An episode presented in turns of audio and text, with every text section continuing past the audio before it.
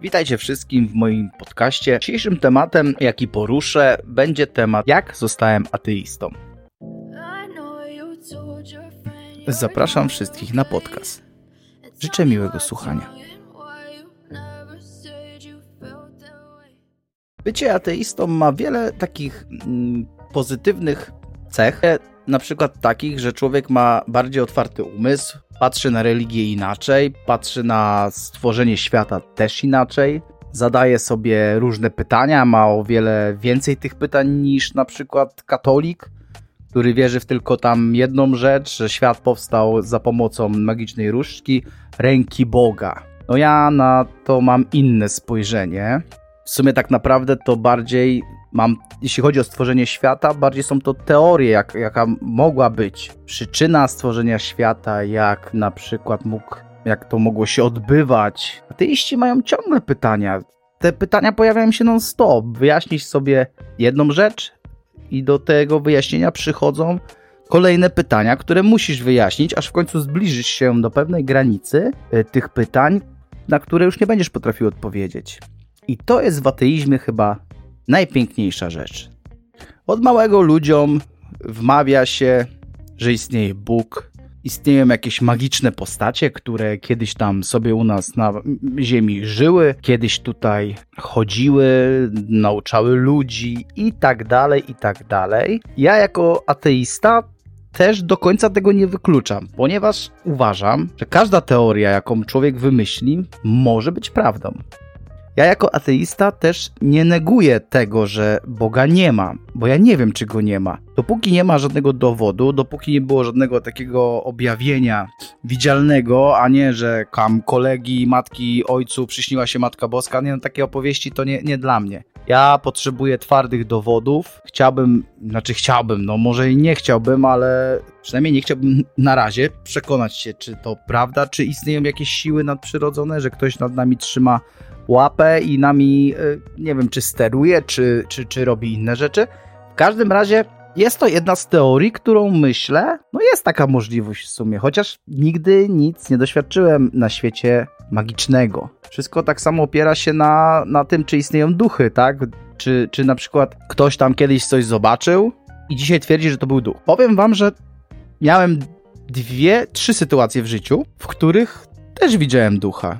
No ale dzisiaj wiem, że to nie był duch. Pierwszy raz pamiętam, zasypiałem na plecach. Oczywiście wszystko podczas zasypiania. Zasypiałem na plecach. W pewnym momencie otworzyłem oczy, a na kolanach siedziała mi dziewczynka. Ciemne włosy, czarne oczy, blada twarz. Jak ktoś grał w Fira jedynkę, to wie o kim mówię. Przyśniła mi się po prostu dziewczynka demon z gry Fir jedynka. Jak ktoś grał, to wie o kogo chodzi. Ona była demonem czy duchem, już, już nie pamiętam. W każdym razie przyśniła mi się, jak mi siedzi na kolanach i to było tak realistyczne, że szok. Na szczęście już wtedy wiedziałem, że to nie żaden duch, nie żadna mara, nie żadna zmora, która przychodzi i dusi, tylko po prostu najzwyczajniejsze porażenie przysenne. Paraliż senny. Jest to taki stan występujący podczas zasypiania lub rzadziej podczas przejścia ze snu do czuwania, objawiający się porażeniem mięśni mięśnie są porażone, ale świadomość zostaje, tak jakby w połowie. Otwierasz oczy, widzisz niby miejsce, w którym jesteś, a tak naprawdę masz dodatkowe jeszcze jakieś tam wizje i to się utrzymuje zazwyczaj przez parę sekund. Chociaż czytałem, że tam ludzie potrafią mieć więcej, yy, być w tym stanie. Ja natomiast byłem parę sekund i, i ten pierwszy moment to jest okropny, bo jesteś przerażony, a się później okazuje, że to najzwyklejsze e, porażenie senne i po prostu w połowie będąc obudzonym człowiek jeszcze widzi jakieś tam głupoty, które mieszają się z rzeczywistością i to jest właśnie paraliż przysenny. Drugą przygodę, jaką miałem, e, jeśli chodzi o ten paraliż senny, to był widok wielkiego pająka na ścianie. Bardzo dużego. Pamiętam, wtedy się zerwałem szybko, zapaliłem światło i pająk zniknął. No i kolejną y, rzeczą, jaką widziałem, to chyba była najstraszniejsza, kiedy przy włączonym telewizorze, leżąc już zasypiałem, nagle się obudziłem. Wyobraźcie sobie pokój, ciemny pokój, pali się tylko telewizor. Ta smuga światła jest skierowana w twoją stronę, reszta pokoju jest ciemna. I w tym momencie, otwierając oczy, nie mogąc się ruszać w ogóle, bo przy tym nie można się ruszać przez parę sekund, idzie postać. Postać bez głowy, w czarnej szacie. Szata, czy to jakaś suknia, jakby, jakby tak, tak jak noszą księża, tylko bardziej taka, nie wiem, zwiewna, czy jak to tam się nazywa. I ta postać ode mnie poszła w stronę drzwi i zniknęła. Oczywiście pierwszy moment to jest ogromna panika, duch yy, i tak dalej, no ale kiedy człowiek się uspokaja, zaczyna dochodzić do niego, że to po prostu był zwykły paraliż przysenny, a nie żadne zmory. To nie średniowiecze. Dlatego kiedyś w średniowieczu i w późniejszym okresie, wcześniejszym okresie ludzie tak sobie tłumaczyli, no, że przychodziła zmora, widzieli jakieś cuda, niewidy, no to pewnie okazywał się paraliż senny. Co innego, jeśli ktoś widział po prostu jakąś, nie wiem, zmorę gdzieś tak po prostu, nie wiem, jak idzie do niego, a ty nie śpisz. Też są pewnie na to wytłumaczenia, ale po prostu wszystko zależy, jak ktoś to inter interpretuje. Najlepiej to samemu zobaczyć. Ja na szczęście nigdy w życiu nie widziałem nic paranormalnego, żadnego ducha, żadnego demona odpukać. Yy, mieszkam blisko cmentarza, ale na szczęście nigdy nie, nic odpukać nie ten, nie widziałem. Wracając do ateizmu. Jak w ogóle narodził się we mnie ateizm? Powiem wam, że jeszcze kiedyś, kiedyś wątpiłem w istnienie, ale też nie byłem 100% pewny, czy Bóg istnieje to było dosyć takie, no, między dwoma światami jakby człowiek żył. Tu ci niby coś gadają, że niby coś tam jest i tak dalej, i tak dalej, że Bóg jest w niebie, no ale z drugiej strony nigdy nic takiego nie widziałeś, nie widziałeś, żeby jakieś objawienie czy, czy, czy inne jakieś cuda, no, no nie było i ten człowiek nie wie. Jeszcze 100 lat temu, no to człowiek może faktycznie żyć tym przeświadczeniu, że ten Bóg jest, no bo 100 lat temu nasza technologia była bardziej do tyłu i, i tak w sumie jeszcze nie mieliśmy takiej wiedzy, jaką mamy dzisiaj, mianowicie chodzi mi o kosmos. Dzisiaj latają promy kosmiczne. Mamy stację ISIS, mamy łaziki na Marsie, mamy satelitę, które, która sobie okrąża Wenus, badają, okrąża sobie Jowisz, bada go, Pamiętam, że kiedy zacząłem interesować się właśnie kosmosem, tak naszło mnie takie pytanie. Przecież Bóg podobno jest w niebie. To co teraz mędrcy księża powiedzą na to, że zdobyliśmy niebo, a tam nic nie ma, tam jest tylko zimno. Przedzieramy się potem przez warstwy atmosfery, dojeżdżamy do stratosfery i jest kosmos. Stan nieważkości. Pamiętam, że ktoś kiedyś, kiedyś się kogoś zapytałem, nie wiem czy to był ksiądz, czy kto, już nie pamiętam. Właśnie zadałem pytanie, no gdzie jest ten Bóg, skoro jest niebo, Bóg jest w niebie. A teraz nagle co? Jak zdobyliśmy niebo, no to co, gdzie jest? W kosmosie? Bóg jest wszędzie, odpowiedź. No i dla mnie to już jest taka lekka mitomania, bo jeżeli ktoś przez całe życie ci coś wmawia, a ty nagle dowiedziesz tego, że czegoś takiego nie ma, na przykład dajmy na to, macie koło domu jakiś staw, on jest głęboki na 10 metrów i ktoś ci powie, że od małego ci wmawia, że na dnie tego stawu leży, nie wiem, złoty posąg. Ty, mając 30 lat, masz y, y, firmę y, budowlaną, podjeżdżasz sobie dźwigiem, chcesz wyciągnąć ten złoty posąg, okazuje się, że go tam nie ma. No i co wtedy sobie myślisz? Że przez tyle lat byłeś robiony w konia sprawdziłeś, nie ma. I co ci później ta osoba powie? Nie, nie, nie, to w innym stawie jest. No to jest bez sensu, no dlatego interesując się kosmosem stwierdziłem w końcu, że to nie ma sensu, że wiara dla niektórych ma sens. Oczywiście, że ma sens, bo wtedy mogą sobie ludzie przeżyć jakieś trudne sytuacje, wyjść na przykład z jakiegoś trudnego położenia, z, z jakiejś trudnej sytuacji, no nie wiem, no wiary można użyć do różnych rzeczy. Ale ja mimo wszystko wolę zostać e, przy ateizmie, bo ateizm moim zdaniem jest najpiękniejszą, może nie religią, ale filozofią, tak to nazwijmy. Dzisiaj obserwując to wszystko, co się dzieje w sferze kościoła, jak zachowują się księża, jak, jak to wszystko przebiega, to jest tragedia w ogóle. Jacy to są bufoni, jacy to są chamy, jacy to są... Nie wiem nawet jeszcze jakich słów użyć gdzieś tam jakiś ksiądz się zdarzy, co jest w porządku, co jest dobry i faktycznie ma misję. Ale taki ksiądz albo jest zamykany, albo odchodzi z biegiem czasu z takiego kościoła, no, albo się zmienia na gorszego, bo nikt mu nie pozwoli być sobą. No niestety, tak działają właśnie ci wyżsi z kościoła.